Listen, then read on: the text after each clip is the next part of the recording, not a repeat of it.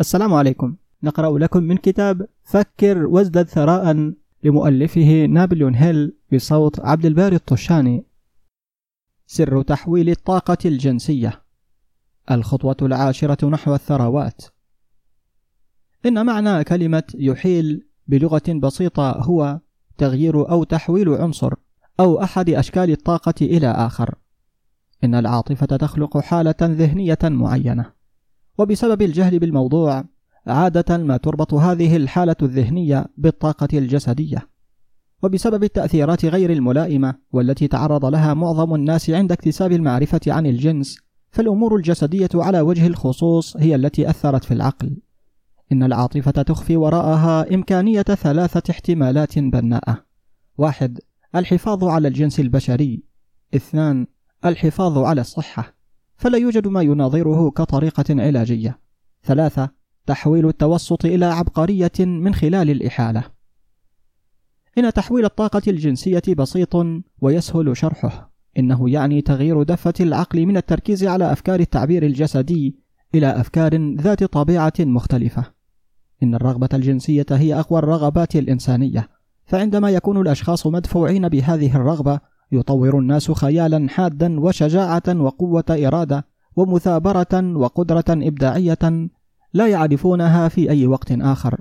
فالرغبة في العلاقة الحميمة تكون من القوة والإلزام حتى إن الناس يخاطرون طواعية بحياتهم وسمعتهم لينغمسوا فيها. وعند شحذها وإعادة توجيهها في اتجاهات أخرى فإن الخصائص الإيجابية لهذه القوة المحفزة يمكن استخدامها كقوى إبداعية في الأدب أو الفن أو أي حرفة أو مسعى بما في ذلك بالطبع جمع الثروات.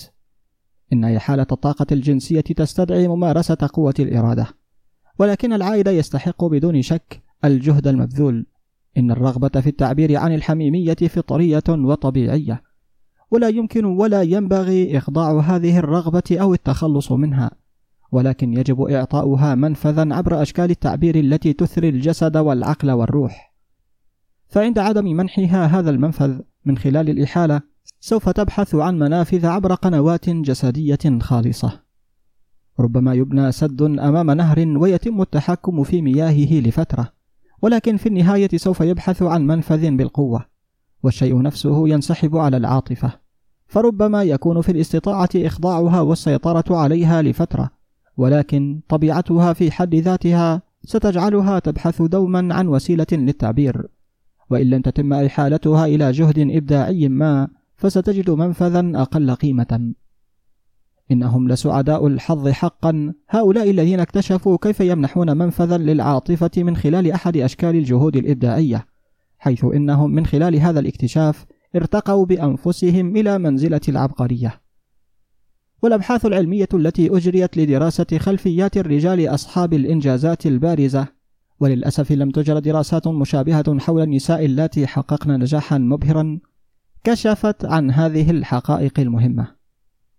واحد الرجال من أصحاب أعظم الإنجازات هم من يمتلكون طبيعة جنسية مطورة إلى حد كبير. رجال تعلموا فن الاستفادة من طاقة العاطفة. اثنان كان حافز الرجال الذين جمعوا ثروات ضخمة وبلغوا مكانة عالية في الأدب والفن والصناعة والمعمار والحرف المختلفة هو تأثير امرأة. والأبحاث التي توصلت لهذه الاكتشافات المذهلة مستمدة من صفحات السير الذاتية والتاريخ التي تمتد جذورها لأكثر من ألفي عام. وأينما كان هناك دليل متاح في حياة الرجال الذين حققوا إنجازات عظيمة فقد أشار بكل إقناع أنهم امتلكوا طبيعة جنسية مطورة بشكل كبير. إن العاطفة هي قوة لا تقاوم، والتي لا يمكن أن يقف أمامها أية معارضة مثل جسد لا يتحرك. وعندما يكون الأشخاص مدفوعين بهذه العاطفة، يضحى لدى الرجال قوة خارقة للفعل.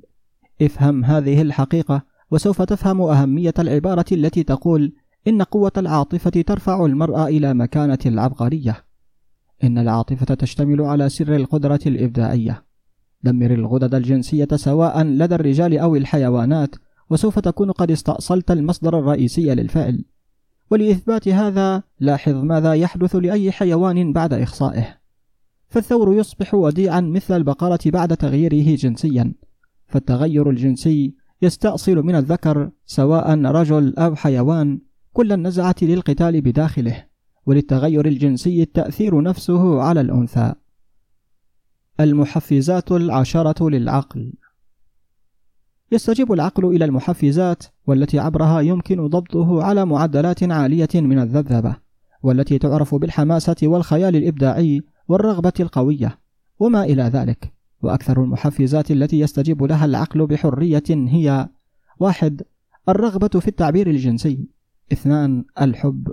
ثلاثة رغبة عارمة للشهرة والقوة والمكسب المادي والمال. أربعة الموسيقى. خمسة الصداقة. ستة تحالف لمجموعة العقل المدبر قائم على التناغم بين شخصين أو ثلاثة. قائم على التناغم بين شخصين أو ثلاثة متحالفين. سبعة المعاناة المشتركة. مثل تلك التي يعانيها الناس المضطهدون. ثمانية الإيحاء الذاتي. تسعة الخوف. عشرة المخدرات والكحول. إن الرغبة في التعبير الجنسي تتصدر قائمة المحفزات التي تسرع بأكبر فاعلية ممكنة ذبذبات العقل وتدفع عجلات الفعل الجسدي. وثمانية من هذه المحفزات طبيعية وبناءة. واثنان مدمران. وقد أدرجت هذه القائمة هنا لتمكينك من إجراء دراسة نسبية للمصادر الرئيسية للتحفيز العقلي. ومن خلال هذه الدراسة ستستطيع أن ترى على الفور أن العاطفة في أغلب الظن هي الأقوى والأكثر حدة من بين كل المحفزات العقلية. وهذه المقارنة ضرورية كأساس للدليل الذي يبرهن أن إحالة طاقة الرغبة يمكنها الارتقاء بالفرد إلى منزلة العباقرة. دعنا نكتشف مقومات العبقري. ثمة تعريف جيد للعبقري هو الشخص الذي اكتشف كيف يزيد من ذبذبات التفكير إلى الدرجة التي تمكنه من التواصل بحرية مع مصادر المعرفة غير المتاحة عبر المعدل العادي لتذبذب الأفكار. والشخص الذي يعمل عقله سيرغب في طرح بعض الأسئلة حول تعريف الشخص العبقري هذا، والسؤال الأول سيكون: كيف يمكن للمرء التواصل مع مصادر المعرفة غير المتاحة عبر المعدل العادي لتذبذب الأفكار؟ والسؤال الثاني سيكون: هل هناك مصادر معروفة للمعرفة والمتاحة فقط للعباقرة؟ وفي هذه الحالة ما هذه المصادر؟ وكيف يمكن بالتحديد بلوغها؟ لا بد أن نقدم أدلة على صحة بعض أهم العبارات والتصريحات التي ترد في هذا الكتاب. أو على الأقل لا بد أن نقدم دليلا يمكنك عبره التوصل إلى دليلك الخاص بالتجربة. وللقيام بهذا سوف نجيب عن كلا هذين السؤالين. تطور العبقرية من خلال الحاسة السادسة. لم يعد هناك مجال للشك بأن هناك ما يسمى الحاسة السادسة وهذه الحاسة السادسة هي الخيال الإبداعي. وملكة الخيال الإبداعي هي ملكة لا يستخدمها أغلبية الناس خلال حياتهم برمتها. وإن استخدموها على الإطلاق فإنهم يفعلون ذلك من قبيل المصادفة. فعدد قليل نسبيا من الناس هم من يستخدمون عن قصد وبهدف مبيت ملكة الخيال الإبداعي. وهؤلاء الذين يستخدمون هذه الملكة طواعية وهم يفهمون وظائفها هم العباقرة. وملكة الخيال الإبداعي هي الصلة المباشرة بين العقل المتناهي للبشر والعقل المطلق. وكل ما يسمى بالإلهام وكل اكتشافات المبادئ الأساسية أو الجديدة في مجال الاختراع يحدث عبر ملكة الخيال الإبداعي. فعندما تبزغ أفكار في عقل المرء عبر ما يسمى بشكل شائع باسم الحدس فإنها تأتي من واحد أو أكثر من المصادر التالية: واحد الذكاء المطلق، اثنان العقل الباطن، والذي يخزن فيه كل انطباع حسي ودافع فكرة سبق له أن بلغ العقل من خلال أي من الحواس الخمس. ثلاثة عقل شخص آخر والذي عبر لتوه عن الفكرة أو صورة للفكرة من خلال الفكر الواعي. أربعة مخزن العقل الباطن للشخص الآخر. وليست هناك مصادر أخرى معروفة يمكن تلقي إلهام الفكرة أو الحدس منها ويعمل الخيال الإبداعي بأفضل صورة عندما يتذبذب العقل بسبب أحد أشكال محفزات العقل بمعدل متزايد السرعة وهذا يعني عندما يعمل العقل بمعدل تذبذب أسرع من معدل الأفكار العادية والطبيعية. وعند تحفيز العقل ليعمل عبر واحد أو أكثر من محفزات العقل العشرة يصبح قادرا على رفع المرء فوق آفاق التفكير العادي. ويسمح له برؤية مسافة ونطاق وجودة الأفكار غير المتاحة على السطح المنخفض. مثل تلك التي يتم بلوغها عند حل مشكلات العمل والروتين التخصصي. وعند الصعود إلى هذا المستوى العالي من الأفكار من خلال أي شكل من أشكال التحفيز العقلي يرتقي المرء نسبيا إلى المكانة نفسها التي يحتلها من صعد على متن طائرة. فبينما لا يزال على الأرض فقد يرى فوق وما وراء خط الأفق والذي يعوق رؤيته. علاوة على هذا في أثناء وجوده على هذا المستوى العالي من الأفكار لا يعرقل المرء أو تقيده أية محفزات تحد من رؤيته في الوقت الذي يصارع فيه مع مشكلات الحصول على الضروريات الثلاث الرئيسية وهي الطعام والملبس والمأوى. إنه منغمس في العالم من الأفكار ينبذ الأفكار العادية ذات القيمة المحدودة بفاعلية تماما كما تزاح التلال والوديان وعوائق الرؤية الأخرى عند التحليق بالطائرة. عندما يكون أحدهم على هذه الطائرة المحلقة من الأفكار تكتسب الملكة الإبداعية للعقل حرية الفعل. فقد تم تمهيد الطريق للحاسة السادسة كي تنشط فهي تصبح متلقية للأفكار التي لا يمكن أن تصل للفرد في ظل أية ظروف أخرى. إن الحاسة السادسة هي الملكة التي تحدد الفرق بين العبقري والشخص العادي. وكلما استخدمت ملكة الإبداع صار أكثر انتباها وتلقيا للذبذبات التي توجد خارج العقل الباطن للفرد. وكلما اعتمد الفرد عليها وطالبها بتنفيذ دوافع أفكاره ويمكن صقل هذه الملكة وتطويرها عبر الاستخدام فقط. إن ما يعرف باسم ضمير المرء يعمل حصريا من خلال ملكة الحاسة السادسة. إن العظام من الرسامين والمؤلفين والموسيقيين والشعراء صاروا عظاما لأنهم اكتسبوا عادة الاعتماد على الصوت الخافت الذي يتحدث من داخلهم عبر ملكة الخيال الإبداعي. إنها حقيقة معروفة جيدا للمتمتعين بخيال حاد والذين يتوصلون إلى أفكارهم عبر ما يسمى الحدس.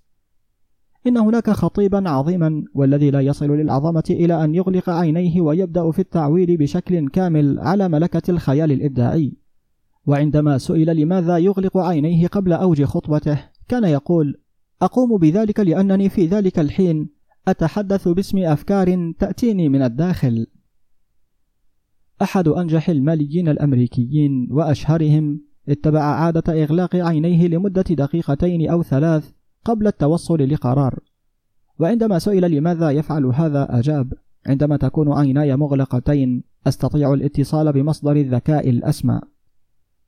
توصل دكتور إلمر آر جيتس من تشيفي تشيس ميريلاند لأكثر من 200 براءة اختراع مفيدة والتي يعد الكثير منها مهما عبر عملية صقل واستخدام ملكة الإبداع وأسلوبه مهم لأي شخص مهتم ببلوغ مكانة العباقرة وهي الفئة التي انتمى إليها بدون شك دكتور جيتس. فكان دكتور جيتس حقا واحدا من أعظم العلماء وإن كان أقلهم شهرة في العالم. في مختبره كان لديه ما يدعى حجرة التواصل الشخصية. كانت غير منفذة للصوت ومصممة بحيث تعزل أي ضوء. وكانت تحتوي على طاولة صغيرة والتي وضع فوقها ورقا للكتابة. وأمام الطاولة على الجدار كان هناك مفتاح كهربائي والذي يتحكم في المصابيح. وعندما كان دكتور جيتس يرغب في الاستعانة بالقوى المتاحة له عبر خياله الإبداعي كان يذهب إلى هذه الغرفة ويجلس على الطاولة ويغلق الأضواء ويركز على العوامل المعروفة للاختراع الذي يعمل به. ويبقى في هذا الوضع حتى تبدأ الأفكار المرتبطة بالعوامل غير المعروفة عن الاختراع في البزوغ في عقله. في أحد المواقف أتته الأفكار بسرعة شديدة حتى إنه اضطر لمواصلة الكتابة لما يقرب من ثلاث ساعات. وعندما توقفت الأفكار عن الانهمار وتفحص ملاحظاته وجد أنها تحوي وصفا دقيقا للمبادئ التي لا يوجد نظير لها في البيانات المعروفة بعالم العلوم. علاوة على هذا فإن حل مشكلته كان يوجد بذكاء في هذه الملاحظات. وبهذه الطريقة أكمل دكتور جيتس نحو مائتي براءة اختراع والتي كانت قد بدأتها ولكن لم تكملها عقول غير ناضجة. والبرهان على صحة هذا يوجد في مكتب براءات الاختراع الأمريكية. كان دكتور جيتس يكسب عيشه من خلال الجلوس للتوصل لأفكار للأفراد والشركات. وبعض أكبر الشركات في أمريكا كانت تدفع له أجرا مغريا في الساعة مقابل الجلوس للتوصل لأفكار. وملكة المنطق هي ملكة كثيرة الاستخدام لأنه من يوجهها هو خبرتنا المتراكمة. ولا تعد كل المعرفة التي نراكمها عبر الخبرة دقيقة. فالأفكار التي نتلقاها عبر ملكة الإبداع يمكن الاعتماد عليها بشكل أكبر لأنها تأتي من مصادر موثوق بها أكثر من أي مصادر قد تكون متاحة لملكة المنطق للعقل.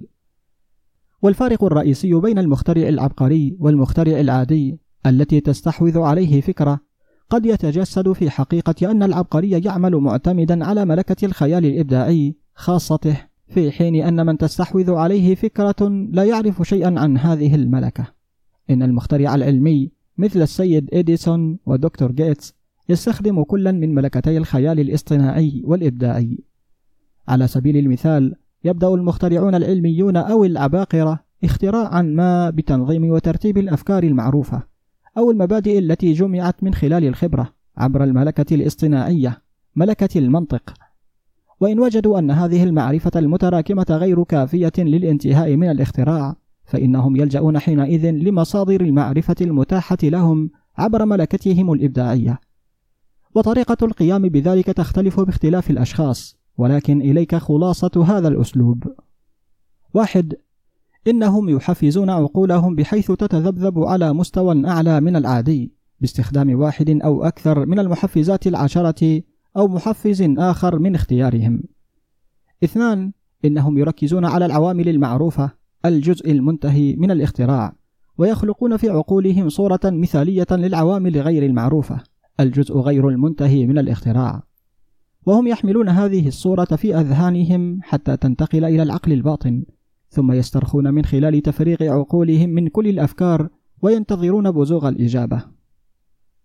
وفي بعض الأحيان تكون الإجابات محددة وفورية وفي أوقات أخرى تكون الإجابات سلبية وتعتمد على حالة تطور الحاسة السادسة أو ملكة الإبداع.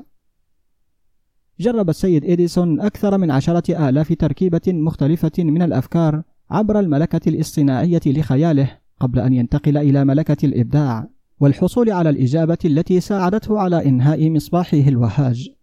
ومر بتجربة مماثلة عندما أنتج آلة التحدث. إن هناك الكثير من الأدلة الموثوق بها على أن ملكة الخيال الإبداعي لها وجود.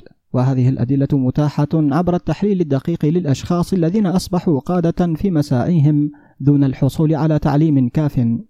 كان لينكولن مثالا بارزا للقائد الذي حقق العظمة عبر اكتشاف واستخدام ملكة الخيال الإبداعي خاصته. وقد اكتشف وبدأ في استخدام هذه الملكة نتيجة لحافز الحب والذي شعر به بعد لقائه بآن ريتليدج. وصفحات التاريخ مليئة بحكايات لقادة عظام والذين يعزون السبب المباشر في إنجازاتهم إلى تأثير سيدات ممن استثرن الملكات الإبداعية لعقولهم من خلال حافز العاطفة. ويمكننا أن نأتي بسهولة على ذكر رجال معروفين ممن ارتقوا منازل عالية من الإنجاز نتيجة للتأثير المحفز لزوجاتهم. فقط ليقعوا في هوية الدمار بعد أن تسلل المال والقوة إلى عقولهم واستبدلوا بالزوجة القديمة أخرى جديدة. إن العقل البشري يستجيب للتحفيز، وبين أعظم وأقوى هذه المحفزات هو حافز العاطفة.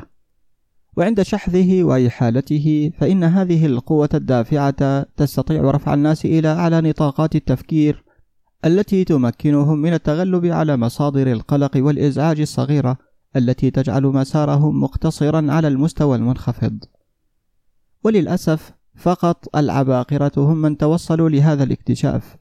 وثمة آخرون تقبلوا تجربة دافع العاطفة دون اكتشاف واحد من أهم إمكاناته. وهي الحقيقة التي تفسر وجود كل هذا الكم من الآخرين في مقابل العدد المحدود من العباقرة. والطاقة الجنسية هي الطاقة الإبداعية لكل العباقرة، فلن يكون هناك قط ولن يكون هناك أبدا قائد عظيم أو مشيد أو فنان يفتقر لهذه القوة الدافعة. وبالطبع لن يخطئ أحد في فهم هذه العبارات ويعتقد أنها تعني أن كل من يتمتع بجاذبية عالية عبقري. فالمرء يرتقي منزلة العباقرة فقط عندما يكون عقله محفزا حتى يتصل بالقوى المتاحة من خلال الملكة الإبداعية للخيال.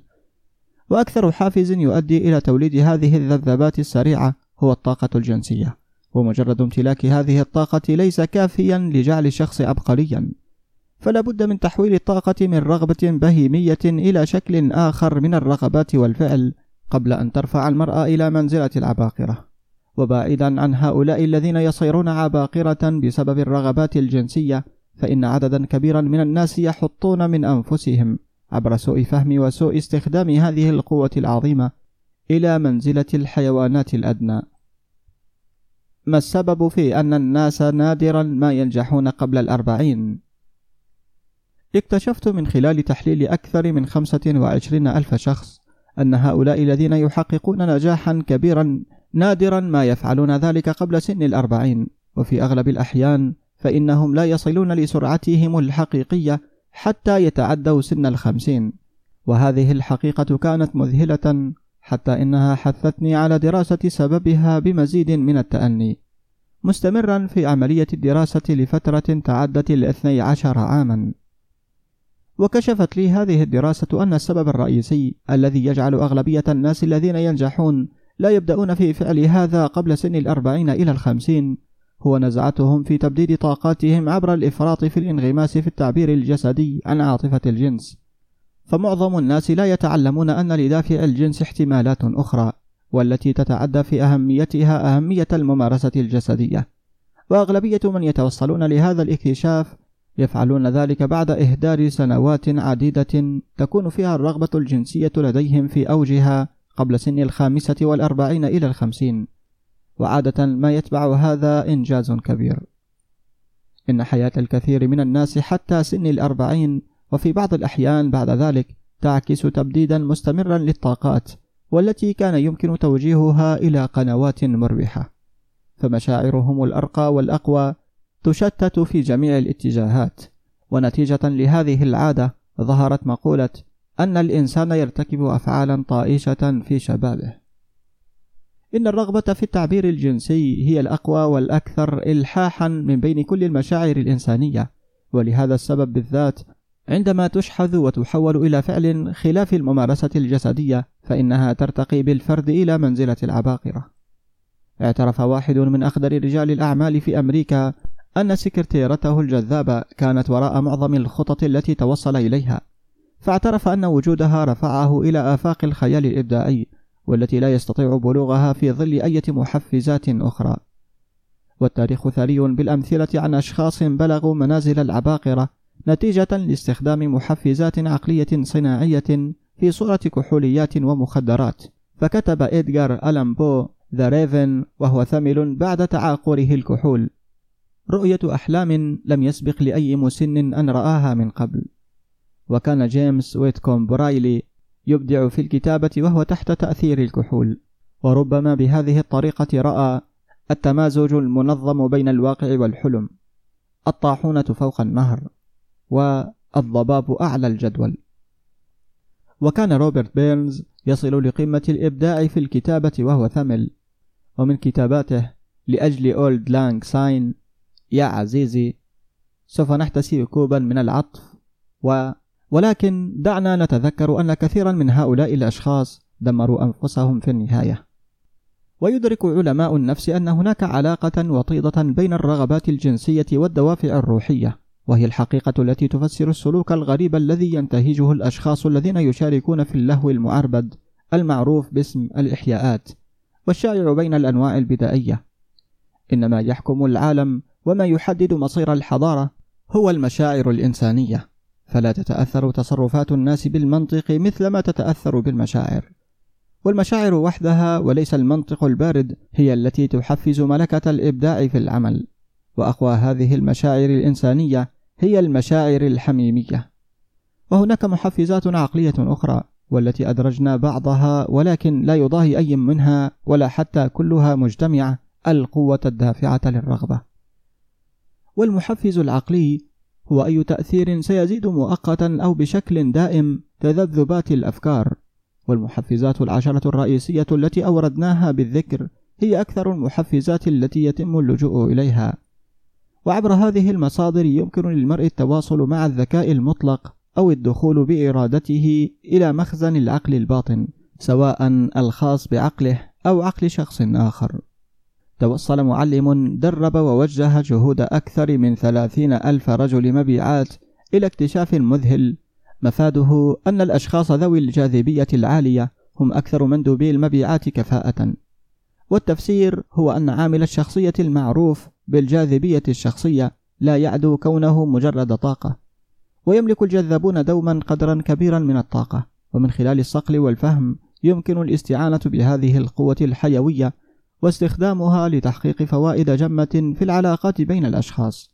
ويمكن نقل هذه الطاقة إلى الآخرين عبر الوسائل التالية. واحد المصافحة باليد. إن لمسة اليد توحي على الفور بوجود الجاذبية أو الافتقار لها. اثنان نبرة الصوت. إن الجاذبية هي العامل الذي قد يصطبغ به الصوت ويجعله موسيقيا وساحرا. ثلاثة وضعية الجسم والمشي. أصحاب الجاذبية العالية يتحركون بخفة وبرشاقة وسهولة. أربعة تذبذبات الأفكار. أصحاب الجاذبية العالية يمزجون العاطفة بأفكارهم أو قد يفعلون ذلك إذا ما أرادوا وبهذه الطريقة يمكنهم التأثير على من حولهم. خمسة زينة الجسم. أصحاب الجاذبية العالية عادة ما يهتمون بمظهرهم الشخصي وهم غالبا ما ينتقون ملابس من طراز يتناسب مع شخصيتهم وبنية أجسامهم ولون بشرتهم وما إلى ذلك. عند تعيين رجال مبيعات يبحث أقدر مديري المبيعات على صفة الجاذبية الشخصية كمتطلب أول للوظيفة. فالأشخاص الذين يفتقرون إلى الجاذبية لا يكونون متحمسين قط ولن يلهموا الآخرين بحماستهم في حين أن الحماسة هي واحدة من المتطلبات المهمة في مجال المبيعات. بغض النظر عما يبيعه الشخص. والمتحدث العام أو الخطيب أو الواعظ أو رجل المبيعات الذي يفتقر إلى الجاذبية يخفق في إقناع الناس الذين ينبغي عليه إقناعهم بأي شيء. أضف إلى هذه الحقيقة أنه يمكن التأثير على معظم الناس فقط من خلال الاتصال بمشاعرهم. وسوف تعي أهمية الجاذبية كجزء من القدرة الطبيعية لرجل المبيعات. وأمهر مندوبي المبيعات يكتسبون المهارة في البيع لأنهم يحولون سواء عن وعي أو دون وعي هذه الطاقة إلى حماسة بيعية. قد تجد في هذه العبارة اقتراحا عمليا للغاية فيما يتعلق بمعنى تحويل الطاقة الجنسية. إن رجال المبيعات الذين يعرفون كيف يبعدون أذهانهم عن موضوع الرغبات الجنسية بالقدر نفسه من الحماسة والعزم اللذين كانا ليكرسوه للموضوع الأصلي اكتسبوا فن تحويل الطاقة الجنسية. سواء أدركوا هذا أم لا. ومعظم رجال المبيعات الذين يحولون طاقتهم الجنسية يفعلون هذا دون حتى أن يمتلكوا أدنى فكرة عما يقومون به أو كيف يقومون به. إن تحويل الطاقة الجنسية يتطلب قوة عزيمة تفوق تلك التي يكترث الشخص العادي لاستخدامها لهذا الغرض. وهؤلاء الذين يلاقون صعوبة في استدعاء قوة عزيمة كافية للإحالة قد يكتسبون هذه المقدرة تدريجيا. والعائد الذي سيحصلون عليه من هذه الممارسة يستحق الجهد المبذول. إن هذا الموضوع برمته هو واحد من الموضوعات التي يبدو أن أغلبية الناس تجهله دون عذر معين. لقد أسيء فهم دافع الجنس إلى حد كبير وتم الافتراء عليه والسخرية منه من قبل الجاهلين وسيئي الظن لفترة طويلة للغاية. حتى إن كلمة جنس نفسها نادرا ما تستخدم في الحوارات المجتمعية المهذبة. وعادة ما يرتاب الناس في الرجال والنساء ممن أنعم الله عليهم بجاذبية عالية. وبدلا من أن ينظروا لهذه الجاذبية على أنها نعمة يعتبرونها نقمة. إن ملايين الناس حتى في عصرنا هذا أصيبوا بعقد نقص بسبب هذا المعتقد الزائف بأن الجاذبية العالية هي نقمة. وهذه التأكيدات على قيمة الطاقة الجنسية لا ينبغي أن تؤخذ كمبرر على الفسوق. فعاطفة الجنس تصبح نعمة فقط عندما تستخدم بذكاء وبتميز. ففي بعض الأحيان يساء استخدامها إلى الحد الذي تحط فيه من شأن الجسد والعقل. والاستخدام الأفضل لهذه القوة هو الشغل الشاغل لهذا الفصل. فقد توصل المؤلف لاكتشاف مهم. كان ذا قيمة كبيرة بالنسبة له. عندما وجد أن إنجازات كل قائد عظيم والذي حظي بشرف تحليله كان وراءها امرأة. وفي كثير من الحالات كانت هذه المرأة زوجة متواضعة وناكرة لذاتها والتي سمع عنها العامة القليل أو لم يسمع عنها شيء. وفي قليل من الحالات كان مصدر الإلهام هو المرأة الأخرى وربما لديك دراية عن هذه الحالات. والإفراط في العادات الجنسية مؤذن شأنه في ذلك شأن الإفراط في عادات تناول الطعام. وفي هذا العصر الذي نعيش به العصر الذي بدأ بالحرب العالمية الأولى يعد الإفراط في العادات الجنسية شائعا. وهذا الانغماس المفرط المعربد قد يكون السبب وراء عدم وجود قادة عظام. فلا يستطيع أحد الانتفاع من قوى الخيال الإبداعي في الوقت الذي يبددها به. والبشر هم الكائنات الوحيدة على الأرض الذين ينتهكون غاية الطبيعة في هذا الصدد. فكل حيوان آخر يمارس العلاقات الحميمية باعتدال ولغرض يتناغم مع قوانين الطبيعة. فكل حيوان آخر يستجيب لنداء الغريزة فقط في موسمه. أما البشر فلديهم نزعة لإعلان موسم مفتوح. إن كل إنسان ذكي يعرف أن الإفراط في التحفيز من خلال تعاقر الكحوليات والمخدرات هو أحد أشكال الإدمان الذي يدمر الأعضاء الحيوية للجسم بما في ذلك المخ. لكن لا يعرف كل إنسان أن الانغماس المفرط في ممارسة العلاقة الحميمة قد يتحول إلى عادة مدمرة ومؤذية للجهد الإبداعي تماما كالمخدرات والكحوليات. إن الشخص المهووس بالجنس لا يختلف بالضرورة كثيرا عن الشخص المهووس بالمخدرات. فكلاهما فقد السيطرة على ملكتي المنطق وقوة الإرادة لديه. والانغماس المفرط في الجنس لا يدمر فقط المنطق وقوة الإرادة ولكنه قد يفضي كذلك إلى الجنون المؤقت أو الدائم. والعديد من حالات وسواس المرض تنتج عن عادات طورت جراء الجهل بالوظيفة الحقيقية للجنس. ومن خلال هذه المعلومات المختصرة عن الموضوع قد يبيت واضحا أن الجهل بموضوع تحويل الطاقة الجنسية يفرض عقوبات فادحة من جانب ويحجب فوائد جمة من جانب آخر. يرجع هذا الجهل واسع الانتشار بالغريزة إلى حقيقة أن الموضوع طالما أحيط بالغموض وحجبه بالغيوم الصمت المدقع. ومؤامرة الغموض والصمت زادت من الفضول والرغبة في معرفة المزيد عن هذا الموضوع المحظور.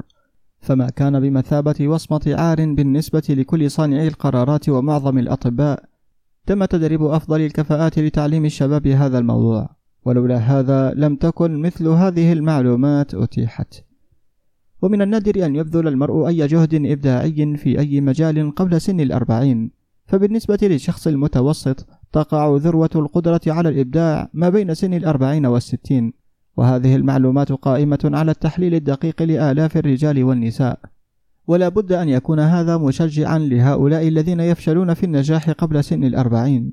وهؤلاء الذين ينتابهم الفزع عند الاقتراب من كبر السن. عند سن الأربعين فالسنوات بين الأربعين والخمسين هي كقاعدة الأكثر إنتاجية. فلا ينبغي أن يقترب المرء من هذه السن وهو يشعر بالخوف وإنما بالأمل والترقب. إن كنت تريد دليلا أن معظم الناس يشرعون في القيام بأفضل ما لديهم قبل سن الأربعين فادرس سجلات الأشخاص الناجحين وستكتشف هذا. فهنري فورد لم يصل إلى ذروة إنجازاته إلا بعدما تجاوز سن الأربعين وكان أندرو كارنيجي قد تعدى الأربعين قبل أن يحصد ثمار جهوده. وكان جيمس جي هيل لا يزال يعمل على آلة تلغراف حتى سن الأربعين فهو لم يقم بإنجازاته العظيمة إلا بعدما تعدى هذه السن. والسير الذاتية للصناعيين والماليين مليئة بأدلة أن الفترة بين الأربعين والخمسين هي السن الأكثر إنتاجية. فبين سن الثلاثين والأربعين يبدأ الإنسان هذا إن تعلم على الإطلاق فن تحويل الطاقة الجنسية. وهذا الاكتشاف يكون عرضيا بوجه عام. وفي أغلب الأحيان لا يدرك من يقومون بذلك على الإطلاق هذا الاكتشاف. فهم قد يلاحظون أن قوى الإنجاز لديهم زادت بين سن الخامسة والثلاثين إلى الأربعين. ولكن في معظم الأحوال لا يعرفون سبب هذا التغير. أن الطبيعة تبدأ في إحداث تناغم لمشاعر الحب والغريزة داخل الفرد بين سن الثلاثين والأربعين. لذا فإنهم قد يستعينون بهذه القوة العظيمة ويستخدمونها كمحفزات على الفعل. والغريزة وحدها هي دافع عتي للفعل ولكن قواه تشبه الزوبعة فهي تخرج عن نطاق السيطرة. وعندما تبدأ عاطفة الحب بمزج نفسها بعاطفة الغريزة تصير النتيجة رصانة الهدف والتوازن ودقة الحكم على الأمور. أي شخص هذا الذي بلغ سن الأربعين ولا يقدر على تحليل هذه المعلومات ودمجها بتجربته الشخصية. الحب والرومانسية والغريزة هي جميعا معلومات قادرة على دفع الناس إلى آفاق الإنجازات العظيمة. والحب هو العاطفة التي تعمل كصمام أمان وتولد التوازن والجهد البناء. وعند الجمع بينها فإن هذه المشاعر الثلاثة قد ترقى بالمرء إلى منزلة العباقرة. لكن هناك عباقرة لا يعرفون سوى القليل عن عاطفة الحب وربما يكون قد انخرط معظمهم في بعض أشكال السلوكيات المدمرة أو على الأقل غير القائمة على العدالة والإنصاف مع الآخرين. وبقدر ما تسمح الفطرة السليمة يمكن تحديد عشرة عباقرة في مجال الصناعة والمال والذين يدوسون بلا رحمة على حقوق الآخرين فيبدون أنهم منعدمو الضمير تماما. المشاعر هي حالات عقلية. لقد أمدنا الله بكيمياء العقل والتي تعمل بطريقة مشابهة لمبادئ كيمياء المادة. إن الكيميائي قد يركب سما بمزج عناصر معينة والتي لا يكون أي منها ضارا وحده بكميات محددة. وبالمثل يمكن مزج المشاعر لتركيب سم مميت. فعند مزج مشاعر الغريزة والغيرة قد يتحول الشخص إلى حيوان مجنون. ووجود واحد أو أكثر من المشاعر المدمرة في العقل البشري من خلال كيمياء العقل يخلق سما قد يدمر حس المرء بالعدالة والإنصاف. وفي الحالات المتطرفة فإن وجود أي مزيج من هذه المشاعر في العقل قد يدمر المنطق لدى المرء. إن الطريق إلى العبقرية يتشكل من تطوير والسيطرة على استخدام الغريزة والحب والرومانسية. باختصار يمكن وصف العملية كالتالي. شجع وجود هذه المشاعر كأفكار مهيمنة في عقلك. وادحض وجود كل المشاعر المدمرة. إن العقل هو مخلوق يتبع عادات بعينها وهو يعيش على الأفكار المهيمنة التي نغذيه بها. ومن خلال ملكة قوة الإرادة يمكنك أن تدحض وجود أي شعور وتشجع وجود آخر. والسيطرة على العقل عبر قوة الإرادة ليس صعبا. والتحكم يتأتى من المثابرة والعادة وسر السيطرة يقبع في فهم عملية الإحالة وعند تواجد أي شعور سلبي في عقلك يمكن تحويله إلى شعور إيجابي أو بناء من خلال الإجراء البسيط المتمثل في تغيير أفكارك. ليس هناك سبيل آخر للعبقرية إلا عبر الجهد الذاتي التطوعي. إن الناس قد يرتقون منازل عظيمة من الإنجاز العملي والمالي فقط من خلال القوة الدافعة لطاقة الجنس. ولكن التاريخ مليء بأدلة أنهم قد يحملون معهم وعادة ما يفعلون سمات شخصية معينة تسلبهم القدرة إما على الاحتفاظ بثرواتهم أو الاستمتاع بها. وهذا يستحق التحليل والتفكير فيه والتأمل لأنه يعبر عن حقيقة تلك المعرفة التي ربما تفيد كل الناس. والجهل بهذا كلف آلاف الناس ميزة السعادة. حتى رغم امتلاكهم الثروات. إن مشاعر الحب تترك بصمتها الجلية على قسمات الوجه. علاوة على هذا فإن هذه الإشارات مرئية للغاية حتى يمكن ذلك لكل من يرغبون في قراءتها. إن الناس المدفوعين بعاصفة العاطفة والقائمة على الحافز الجنسي فقط يعلنون هذه الحقيقة ببساطة للعالم أجمع من خلال تعبير أعينهم وخطوط وجوههم. إن عاطفة الحب عند مزجها بالغريزة تلين وتغير وتجمل تعبيرات الوجه، وأنت لست بحاجة لمحلل شخصيات ليخبرك بهذا، فتستطيع ملاحظة ذلك بنفسك. إن عاطفة الحب تخلق وتطور الطبيعة الفنية والجمالية للشخص إنها تترك انطباعها على روح الشخص نفسها حتى بعد أن يطفئ جذوة النار الوقت والظروف إن ذكريات الحب لا تموت قط إنها تبقى وترشد وتؤثر حتى بعد تلاشي مصدر التحفيز بفترة طويلة. ليس هناك شيء جديد في هذا. فكل شخص اشتعل بداخله حب حقيقي يعرف أنه يترك آثارا أبدية على القلب البشري. إن تأثير الحب يدوم لأن الحب روحي في طبيعته. وهؤلاء الذين لا يستطيعون الارتقاء إلى منازل عالية من الإنجاز بفعل الحب ميؤوس منهم فهم ميتون رغم أنهم يبدون أحياء. حتى ذكريات الحب كافية لرفع المرء إلى مستوى أعلى من الجهد الإبداعي. إن القوة الهائلة للحب قد تنتهي وتمضي لحال سبيلها مثل النار التي تنطفئ ولكنها تترك وراءها علامات متعذر محوها كدليل أنها مضت من هذا الطريق. ورحيلها عادة ما يعد قلب الإنسان لحب أعظم. ارجع بذاكرتك للخلف في بعض الأحيان واغمر عقلك في الذكريات العذبة لحب سابق فذلك سيخفف من حدة تأثير مصادر القلق والإزعاج الحالية. إنه سوف يمنحك مصدرا للهروب من حقائق الحياة غير السارة وربما من يعرف يسلم عقلك لك في أثناء هذا المعتزل المؤقت أفكارا أو خططا قد تغير الحالة المالية أو الروحية برمتها لحياتك. إن كنت تعتقد أنك تعيس الحظ لأنك أحببت بلا طائل انبذ هذه الفكرة. فالشخص الذي أحب من قلبه لا يمكنه أن يكون خاسرا حقيقيا. فالحب كثير النزوات ومتقلب وطبيعته سريعة الزوال ومؤقتة وهو يحدث حين يشاء ويذهب دون إنذار.